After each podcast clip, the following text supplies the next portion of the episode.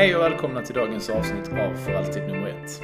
Det är, eh, ja vad ska jag säga Gustav, lite ledsna miner, lite tunga hjärtan som eh, försöker råda det här i landet idag. Ja men visst är det så. Det går inte att förneka att, eh, att man hellre hade suttit här efter en seger och en Europa League-lottning till, till gruppen. Men så är det också i fotbollen ibland tyvärr. Ja, nej men det går inte att komma ifrån som vi, eh, som vi sa inför att det, det är ett La Liga-lag som kommer till Malmö. Som, ja, men som visar sin klass. 1-0 målet är ett, om man bara ser det objektivt en, på en highlights reel eller något sånt efter, eller så här i ett sammandrag någonstans. Så hade man sagt jävlar vad snyggt det där målet är. Från liksom eh, den lurande V-löpningen på kanten där Knutsen blir helt ställd och eh, öppna upp den ytan och sen så inspelet och V-löpningen i, i boxen. Ja, det är skärklass alltså. Det, det, är svårt att försvara mot det där. Många, jag har hört många, många uttrycka sin frustration över Erik Larsson som släpper sin gubbe. Men kom igen, vet ni vilken fart det där går? Alltså, det går en jävla fart alltså. Ja, jag tänkte på det. Jag satt och kollade, kollade om highlightsen här, här innan idag. Och jag reagerade just över det också att folk så Visst, nu, nu blir han Makis väldigt ensam inne i straffområdet där men det är ju inte så att Erik Larsson springer upp för att ta en boll snett inåt bakåt av liksom bara för att han chansar och går bort sig utan det är ju Makis som påbörjar en löpning som är Ja men Erik Larsson måste ju ta steget för att blockera ett eventuellt avslut där. Sen är det ju klart att Makis förmodligen har han kanske har den vanan med vem det nu var som slog inspelet att han ofta gör den och kommer sen in i ett, i ett nedre läge så att ja, det, det är ett, ett bra inspel och ett, ett, bra mål liksom. Det går inte att argumentera eller det går inte att hänga en spelare för den missen utan det, det är, det är ett klassanfall. Ja, nej och, jag vill inte heller hänga Knudsen för jag förstår ju på samma sätt att det är skitsvårt där ute på kanten. Men där blir både Rex och Knudsen liksom lite spelartittande på kanten. Liksom. Jag tycker redan upprinnelsen till hela det målet är där.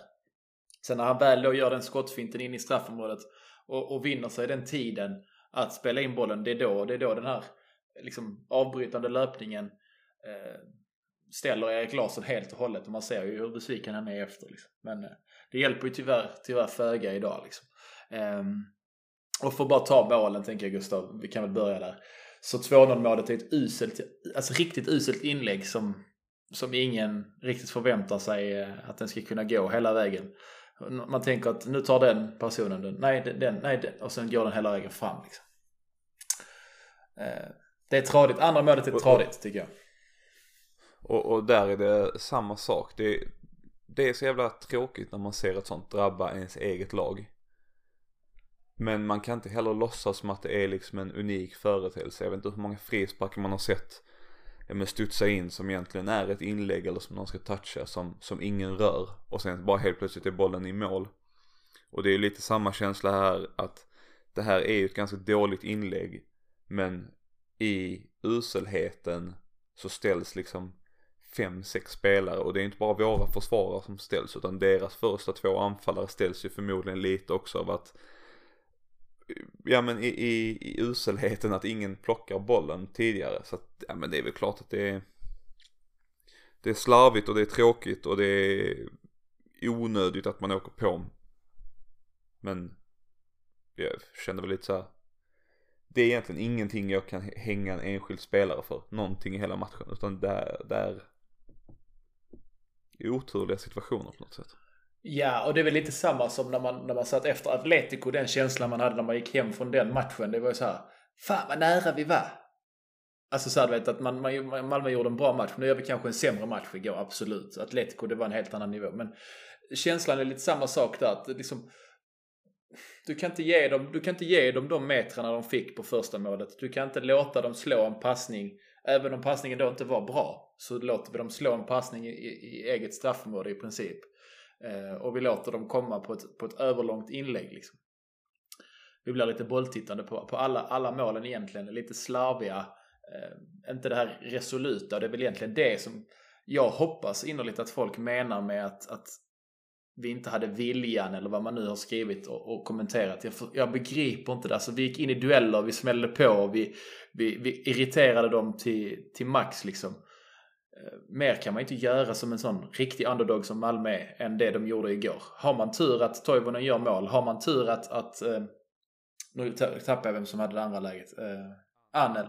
Eh, alltså om de två går in i mål, vi vinner matchen. Det är enkelt. Alltså det, man behöver inte vara fotbollsforskare eller någonting annat för att, för att inse att så är fallet. Liksom. Att de sätter sådana lägen, vi gör inte det. Sen om det har att göra med att vi var oskärpta, jag tycker inte det. Jag tycker Toivonens avslut är bra. Det är hårt mot bortre. Annels på ett, ett touch, Annels ska gå lite längre vid sidan så är det mål. Medan de gör mål. Det är också ett ruskigt svårt avsl avslut det Annel gör. Det är ju inte, alltså det är ju inte det är inte det enklaste avslutet att ta, speciellt kanske inte som, som en ung mittback som inte är van vid att ta de här situationerna. Det hade kanske varit skillnad om det var Rex eller eh, eller, eller Kies eller något sånt. Men, men det är ju ett svårt avslut i ett svårt läge i en ovan position. Så att det, men det är ju lite så här, det är lite slarv bakåt. Eh, eller slarv och slarv, men lite Oskärpa lite oskärpa och det är lite oskärpa framåt. Men, men vi är också bara en liten touch från ett, ett, ett andra mål. Och det är precis som du säger, det hade, då hade matchbilden varit en helt annan. Och så att vi är liksom millimeter från egentligen att vinna den här matchen känns som. Och ska vi liksom ens bemöda oss med att diskutera det här med, med filmningar och det? Jag, jag lovade det på, på Twitter. Alltså Nej, alltså det, det, är ju lite så som, jag minns inte vem det var som sa det, Berget kanske det var att hade vi haft ledningen så hade vi gjort samma sak. Och det, det är det vi har pratat om, vi skojar lite om det ehm, vad gäller Djurgården och så. Att det är, det är så man spelar i Europa. Det maskas, det filmas. Sen är det klart att väl där i stundens hetta när man ser liksom Soldado eh, springa in i an eller rulla sju varv. Det är klart man blir lack liksom. Men vi är inte överraskade att det händer. Vi hade gjort samma sak. Det är inte där vi förlorar matchen heller.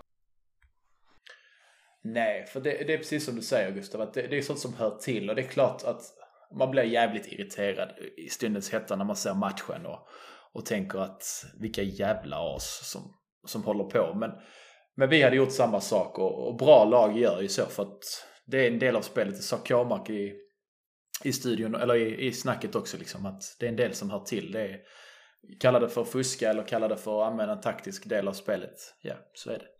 En grej till Gustav på, på Granada innan vi kanske blickar lite framåt. Um, vi pratade ju inför matchen om vår Europarutin och att, vi, att det var det som kunde vara till vår fördel och så vidare. Men om man ska vara helt ärlig nu, jag satte mig och tittade på det nu innan vi spelade in för att känslan var inte att vi hade någon särskild nämnvärd rutin och de, de som har spelat liksom, ja men inte hela resan är det inte många som har gjort, men som varit med i Champions League och Europa League matcherna mot, mot tuffare motstånd som Midtjylland är ju berget Isak Kiese Rakip, Lewicki. Och sen har väl Ola en egen kategori Europarutin. Men de som inte spelar var ju eh, AC och, och Rasmus Bengtsson som man kanske hade kunnat använda. För sen är det ju så att det vi slog ut i playoff förra året, Ben Juda eller vad de hette, eh, och när vi åkte ut mot Vidi, det är de spelarna som har Europarutin och det är inte någon, det är inte jätteimponerande egentligen så att vi kanske inte, nu gör vi en bra match så att hade det varit ett lite sämre lag så hade vi vunnit den här matchen i ett playoff också och varit i ett eh, gruppspel igen kanske men någonstans de som har mött de här riktigt stora lagen och slått ut jättetuffa motstånd som Celtic och Salzburg och Sparta Prag och Cluj och sånt. De spelarna är inte riktigt kvar i Malmö FF. Nej, det har du helt rätt i. Jag såg en, eh, en intressant tweet igår eh, efter matchen. Jag minns, eh, jag minns inte exakt vem det var som skrev det. Det var just det här att om någon hade sagt till oss inför den här säsongen att vi skulle lira Europa League playoff med Marco Johansson, Anel Ahmedhodzic, Frans Brorsson och Rakip och så vidare. Så, så, hade ju ingen, man hade ju inte trott på det och man hade kanske inte räknat med att det skulle bli Europa League gruppspel heller. Så att tar man in den aspekten hur många spelare liksom, ja men hur, hur truppen ser ut och hur faktiskt många spelare vi hade borta så tycker jag att det här det är klart det är surt. Det, det kommer inte vara mindre surt bara för att vi hade skadade spelare eller en ung trupp och så vidare men det är ju ändå, ändå bra på något sätt, bra jobbat av laget och, och en viss stolthet i det ändå att, att vi gjorde en bra prestation liksom. Vi var ju inte bortgjorda i 90 minuter. Nej, precis. Det är väl det som är, det är väl det man får ta med sig. Och det var som jag såg någon hade skrivit, vilket också var vettigt, att det, det är ju det här laget, de här unga spelarna som förhoppningsvis spelar Europakval till Champions League nästa år. Eh, alltså 2021. Och då är Ola liksom helt varm i kläderna. Helt inspelad med förhoppningsvis då Thulin eller någon annan AC frisk. Och lite sånt att, att det här är en jätte, jättebra värdemätare inför nästa år. Eh, sen får man ju hoppas att Danne liksom tackar nej till alla de här 40-50 miljoners buden som kommer att komma in på Ahmed Hodzic. För det är ju rätt logiskt att... Eller han spelar nog bort sig själv från MFF till vinterfönstret tror jag. Alltså för jag tror Danne glatt accepterar med tanke på Corona och hela den situationen och ekonomin att får vi in 50, 50, 60 miljoner så tackar han nej. Men tittar man över sundet och det hade varit en FCK-spelare så hade han inte gått för under 90-100. Tyvärr. Nej, och, och på, på det spåret ska det bli intressant att se här nu om, vad blir det, en och en halv vecka när han, eh, när han gör sina första landslagsminuter. Vilket jag tror att han kommer göra för Bosnien. För att den aspekten kommer ju också spela in förmodligen i en eventuell försäljning senare. Kan man sälja en, en landslagsman som är 21 år gammal och har liksom Europarutin, har gjort det bra i, i allsvenskan och så vidare. Så ja, det är väl bara att hoppas att han fortsätter på inslagen bana och att, att vi kan få ut så mycket pengar som möjligt där liksom. För jag tror inte, jag tror inte, jag tror inte han är kvar länge. Han är för bra för det, tyvärr. Eller tyvärr och tyvärr men. Ja, nej, det, det, är inte, det är inte tyvärr. Det är ju fantastiskt att kunna ha fostrat en sån spelare. Och jag menar, han kommer komma tillbaka likt Pontus Jansson, Filip Helander och, och, och de här spelarna som, som också har gått samma bana. Unga MFF liksom. Men det är klart att det tyvärr någonstans när då Rasmus Bengtsson inte spelar nu. Frans Brorsson har kommit tillbaka. Det är trevligt. Men frågan är, har han, liksom, har han ytterligare en dimension och nivå i sig? Alltså att, att leverera när Arnel försvinner.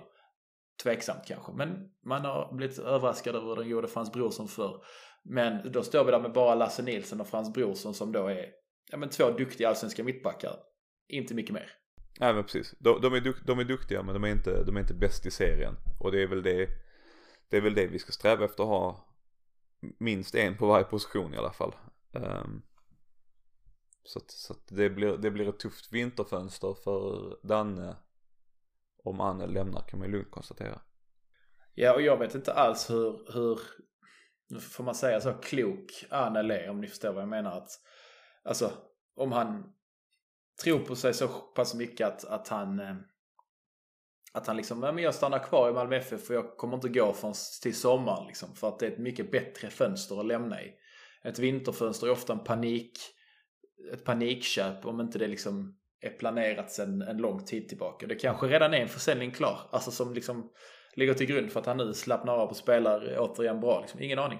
Men om han är klok nog i min, i min bok så är det ju lätt att sitta och säga det eftersom att jag inte ska ta ställning till ett kontrakt på flera miljoner och säkra min framtid. Men alltså, man har ju sett det så många gånger, vi har sagt det så många gånger och det har diskuterats oändligt med gånger att spelare borde vara smartare. De borde ha smartare rådgivare som säger att sommarfönstret, det här laget, den här ligan, alltså säg holländska ligan för hans del, som är då en väldigt så svajig, flängig liga, rent offensivt spelat då.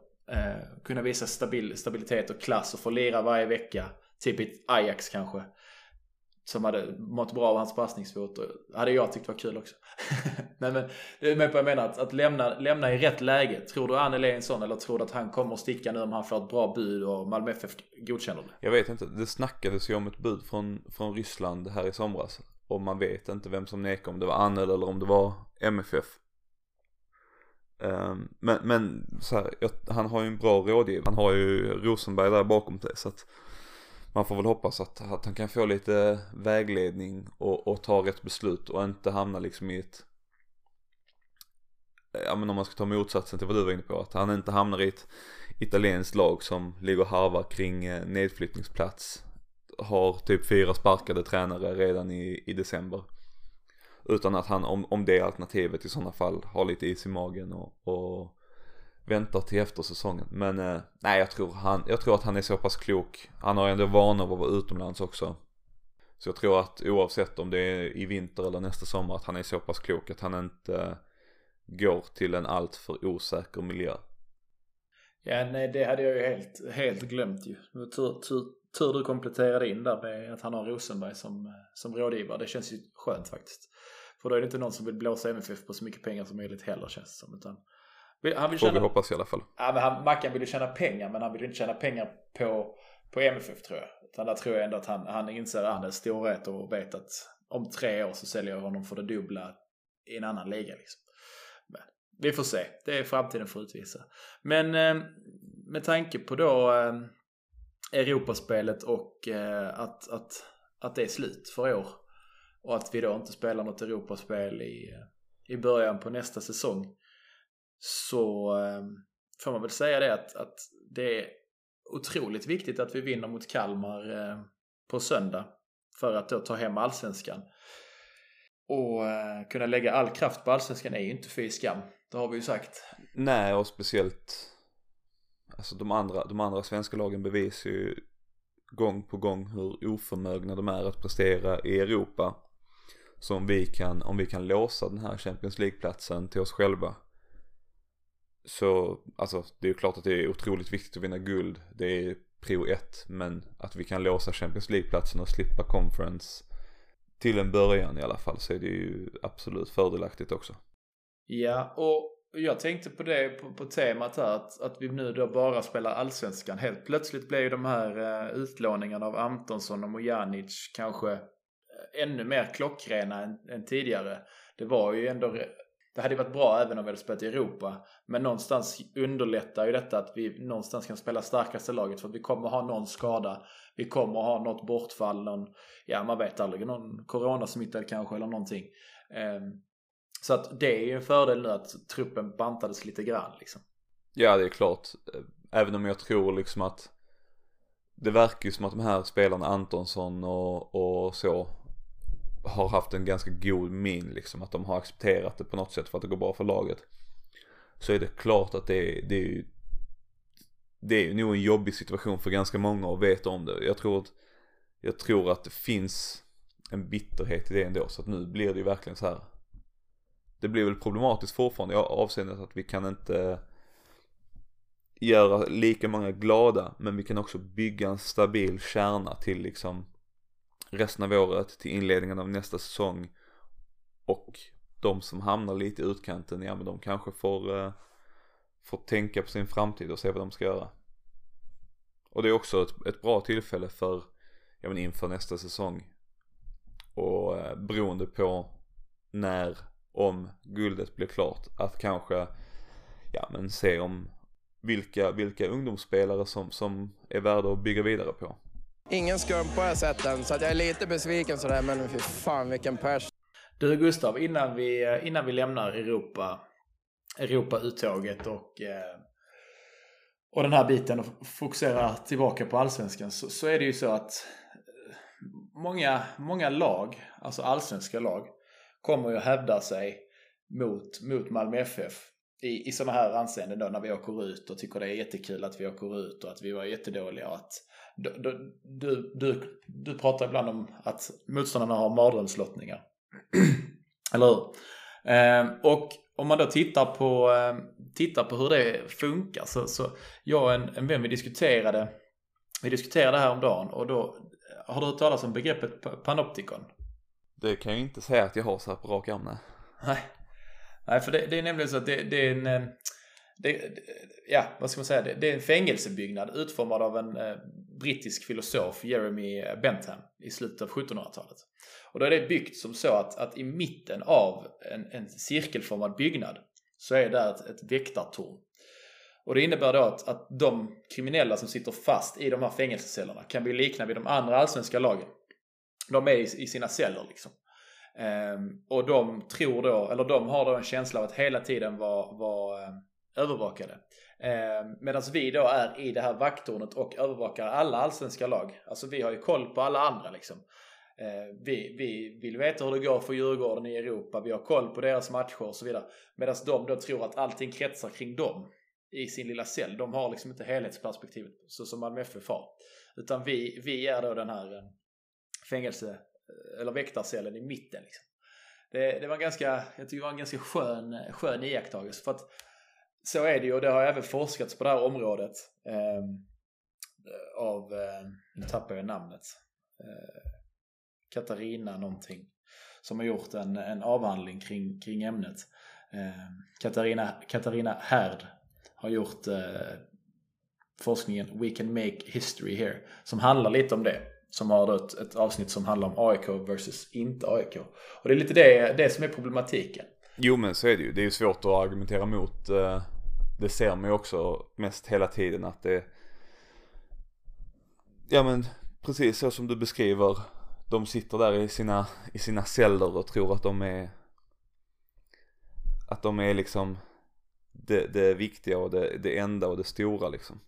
Men eh, så är ju inte riktigt fallet. Nej men det är för att vi, vi ägnar ju lite, lite, lite tid åt, åt, Eh, åt AIK ibland. När de liksom förlorar och när de vinner och när de gör grejer. Och så, så får de sin beskärda del. Och sen så helt plötsligt kommer Norrköping med sina domaranklagelser och, och eh, att Ekberg är, är värdelös. Och så får de lite. Och sen kommer Djurgården och säger att de ska sopa i Europa. Och så får de höra att de är sopor i Europa istället. Och sen kommer Blåvitt och säger att de har vunnit, vunnit då. Banne mig vunnit Uefa-cupen har vi gjort. Och de, ingen än dem, alltså det är bara de i hela Europa som är glada att det kommer en, en dag Europa Uefa-turnering C som, som de kan vinna och stoltsera med om några år när de har då vunnit en, en till Europaturnering. Hur många Europaturneringar har ni vunnit Malmö? Jävla luffare är de. Så att, så att vi, vi, vi har ett allmänintresse av allsvenskan eftersom att vi, vi vill vinna allsvenskan till varje pris. Och då är det ju så att vi måste liksom ha taggarna utåt mot alla de andra. Det är därför vi är centrum i, det här, eh, i den här eh, fängelseliknande liksom panoptikon eh, Eh, illustrationen. Så att, så att googla Panopticon eh, så hittar ni både fantastiska 3D-filmer på hur det, hur det, ser ut och hur det funkar. Och sen tänk allsvenskan och att Malmö FF då är mitten där vi kan övervaka alla utan att de kan se oss. Lite så känns, känns det som. Men du, eh, du vill avsluta lite med att kolla på just Europamotståndet med tanke på att vi då vi har ju koll på alla andra som som har förlorat i Europa, vilka, vilka lag vi har slagit. Och de listorna kommer vi också lägga ut på, eh, på Twitter tillsammans med då de som vi är lite besatta av. Det här målet på, på FC Köpenhamn när de åkte ut igår. För det är ju ren och skär underhållning. Ja det är ju ibland, alltså det är ju så att man skulle kunna se den på, på Twitter en dag med och tro att det är liksom skådespelare. Eller att det är någon sketch som liksom, någon hipp hipp historia eller något sånt. Men så var det ju inte riktigt. Men, men precis som du sa, jag kollade lite på, eh, på Europamotståndare och hur det gått för svenska lag de senaste åren. Och det är väl egentligen någon så här, det grundar sig nog i att jag blev lite trött på det här med att man beskrev allting som mardrömsmotståndare. Oavsett vad liksom, precis som, precis som vi var inne på senast, att man beskriver ja, men ett, ett rumänskt topplag som mardrömsmotståndare de kommer från en sämre liga. De, eh, ja men de kanske förvisso har lite mer pengar men vi målar upp alla motstånd som inte kommer från Luxemburg, Gibraltar som mardrömsmotståndare. Så jag valde helt enkelt att kolla på liksom vilka lag svenska, vilka lag som slår ut svenska lag och hur det går för dem senare i Europa. Och nu börjar jag från 2014-15 säsongen eh, kanske eh, strategiskt val av mig eftersom det var då vi spelade i Champions League. Men tittar man på vilka, vilka lag som har slagit ut svenska lag så är det ju inte det är ju väldigt sällan lag som har gått långt i turneringarna senare. I, i Champions League så är det ju först nu när Ferencvaros slår ut Djurgården som något av de svenska banemännen eller vad man ska säga har, har nått Champions League gruppspel. Eh, och ja, det är väl möjligt att argumentera att Ferencvaros då var en mardrömslottning men vi får ju kanske se lite också hur det, hur det går där. Tittar man på Europa League så är det väldigt sällan lagen når längre än 16-delsfinal. Det är inte särskilt ofta ens de når gruppspel om vi ska vara helt ärliga. Det, ett av de absolut bästa lagen är Torino 2015 som slog ut Brommapojkarna som fick den här, den här eh, fair play fair play-platsen om ni minns den. Det var ju en, eh, ett intressant sätt att ge Europaplatser då. Och sen är det ju såklart Arsenal som slut, eh, slut Östersund. De gick ju till semifinal det året. Men annars är det liksom, ja det är något lag som åkt ut i 16-del. Något lag som har åkt ut i gruppspel. Så att det här med mardrömslottning vet jag inte riktigt hur det är. För mardrömslottning insinuerar ju ändå på något sätt att det är ett bra lag man har mött. Ett, ett lag som har potential att nå långt. Men om man åker ut mot eh, Trakai som kommer från eh, Litauen tror jag i, i tredje kvalomgången. Kan man verkligen klassa det som ett mardrömsmotstånd? Om man åker ut mot eh, Hapoel Bercheva som åker ut i playoff, är det ett mardrömsmotstånd? Är Lech Poznan som åker ut i tredje kvalomgången ett mardrömsmotstånd? Jag tycker inte det och jag tycker att vi måste få bort den här den här offerkoftan som vi har dragit på oss redan i förhand. MFF eh, 2018-19 fick en mardrömslottning i, i 16-delen. Eftersom Chelsea senare gick och vann hela turneringen så kan man ju ändå backa upp det. Det här var ett av de absolut tuffaste lagen i Europa League det året. De var tuffast, de var bäst. Men jag läste ingenstans inför vår match att det var en mardröms... Det är klart att det var en tuff lottning. Det var en tradig lott att få för att man kunde få kanske, ja, något annat lag som, som sen rök i samma omgång som vi liksom. Så man hade kunnat ta sig ytterligare en, en omgång. Men då hade man, man hade någonstans ändå landat i som, som Sverige då i, i, i VM som typ är nöjda med att komma till kvartsfinal eller vad det var. Alltså det blev ju någonstans så att, att ett svenskt lag i Europa är ju nöjt nöjda så länge de är kvar. Alltså det, kommer, det finns ju inte en chans att vinna turneringar nu för tiden med tanke på skillnaderna. Men alltså, vi hörde ändå inte att det var en, inte på samma sätt som vi, vi hörde nu när Lech Poznan drogs och Ferencvaros och förra året eh, Hapoel Bercheva och så vidare. Och Celtic liksom. Nej, alltså jag, jag kan ju tycka att Ja, det sa jag senast också att jag tycker Granada är kanske en av de svåraste lotterna om man ser till alla lag vi kunde få. Men jag skulle inte beskriva det som en mardrömslottning för jag tycker inte vi kan få en mardrömslottning egentligen. För att jag tycker inte att lagen Nej, men jag, vet alltså... vad du, jag vet vad du vill säga Gustav. Så här. Du, vill, du, vill, du vill inte att vi ska på, på förhand sitta och säga att det här är en mardrömslottning, det här är en mardrömslottning och det här är en mardrömslottning. För att i efterhand kan du konstatera, vinner Granada hela, hela, hela Europa League nu det händer ju antagligen inte. Men om de skulle gå och göra det.